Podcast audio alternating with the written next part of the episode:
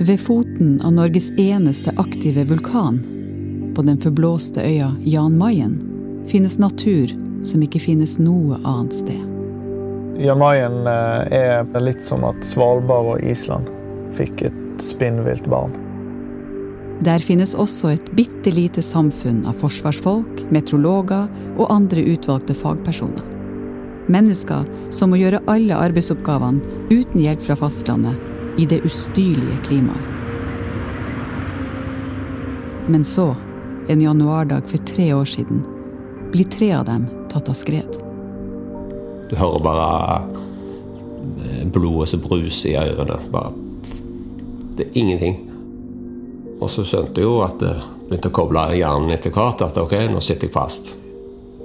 Nå lurte jeg på hvor er de andre, liksom. Så da bare brølte jeg ut. Ropte 'hjelp' eh, tre-fire ganger. Ikke en lyd.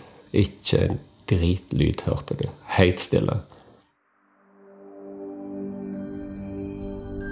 Det var første gangen i år at jeg fikk se solen. Aldri har verden vært så lys. I akkurat det øyeblikket var jeg lykkelig. Like etter blir det mørkt på Jan Mayen. Bekmørkt. Hør skredet på Jan Mayen. Kommer i våre historier tirsdag 30. januar.